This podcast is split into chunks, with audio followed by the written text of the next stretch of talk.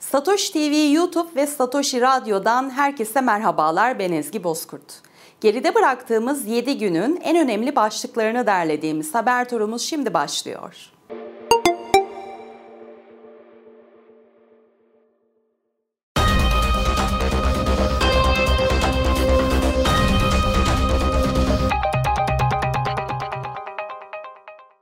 MicroStrategy'nin 8 sunduğu rapora göre şirket Kasım-Aralık döneminde 2395 Bitcoin satın aldı. Bununla birlikte MicroStrateji tarihinde ilk kez 22 Aralık'ta Bitcoin satışı gerçekleştirdi. 704 adet Bitcoin satan MicroStrateji bu satışın vergi işlemleri nedeniyle olduğunu belirtti. Bu işlemin ardından şirket 24 Aralık'ta 810 adet Bitcoin daha satın aldı. Yapılan tüm bu alım satımların sonucunda MicroStrategy portföyüne toplamda 2500 adet Bitcoin eklemiş oldu. Şirketin elinde ise toplamda 132.500 adet Bitcoin bulunuyor. Michael Saylor 28 Aralık'ta katıldığı bir Twitter Spaces etkinliğinde MicroStrategy'nin 2023 yılında Bitcoin Lightning Network destekli yazılım ve çözüm hizmetlerini piyasaya sürmeyi planladığını açıkladı. Michael Saylor, şirketin sadece Bitcoin alım satımı ile ilgilenmemesi gerektiğini, Bitcoin ekosistemine katkıda bulunması ve benimsenmeyi artıracak konulara daha fazla odaklanması gerektiğinden bahsetti. 14 yıl önce 3 Ocak 2009'da Satoshi Nakamoto, Bitcoin'in ilk bloğu olan Genesis bloğu oluşturdu. Genesis blok, blok zincirinin eşler arası değer transferlerinde kullanılabilmesini mümkün kılarak yeni bir finansal sistemin kapısını araladı.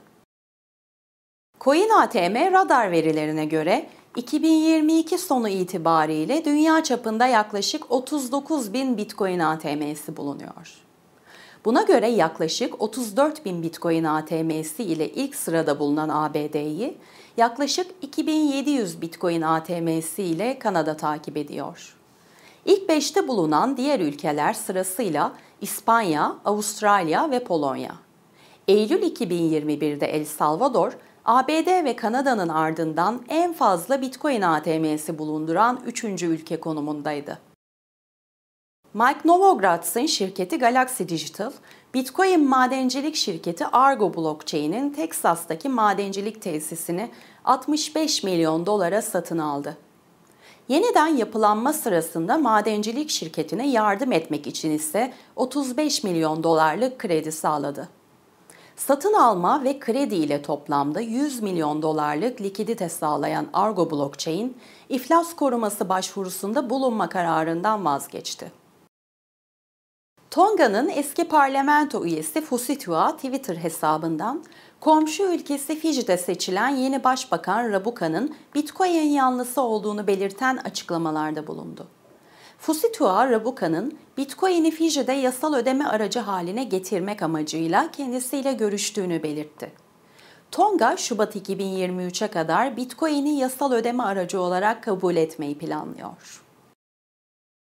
Frenfini ALS hastalığına yönelik araştırmalarda kullanılması adına Halfini'nin Twitter hesabından bir yardım etkinliği düzenlediğini duyurdu.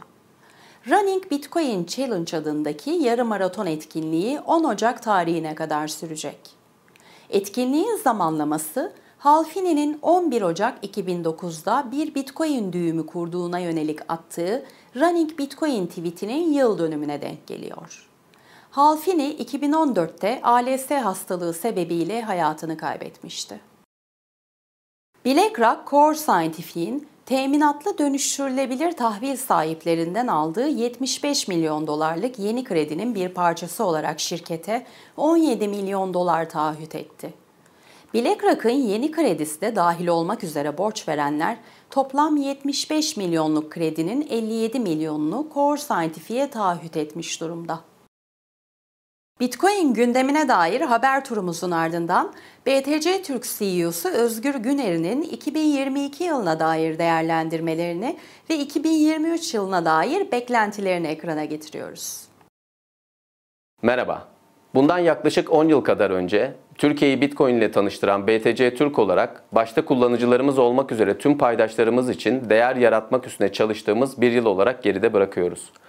2022 yılının en önemli yanı diğer geçmiş ayı piyasalarında olduğu gibi kısa vadede kar peşinde koşan şirket ürün ve hizmetlerle uzun vadede değer oluşturmaya odaklanan şirket ürün ve hizmetlerin ayrışması oldu.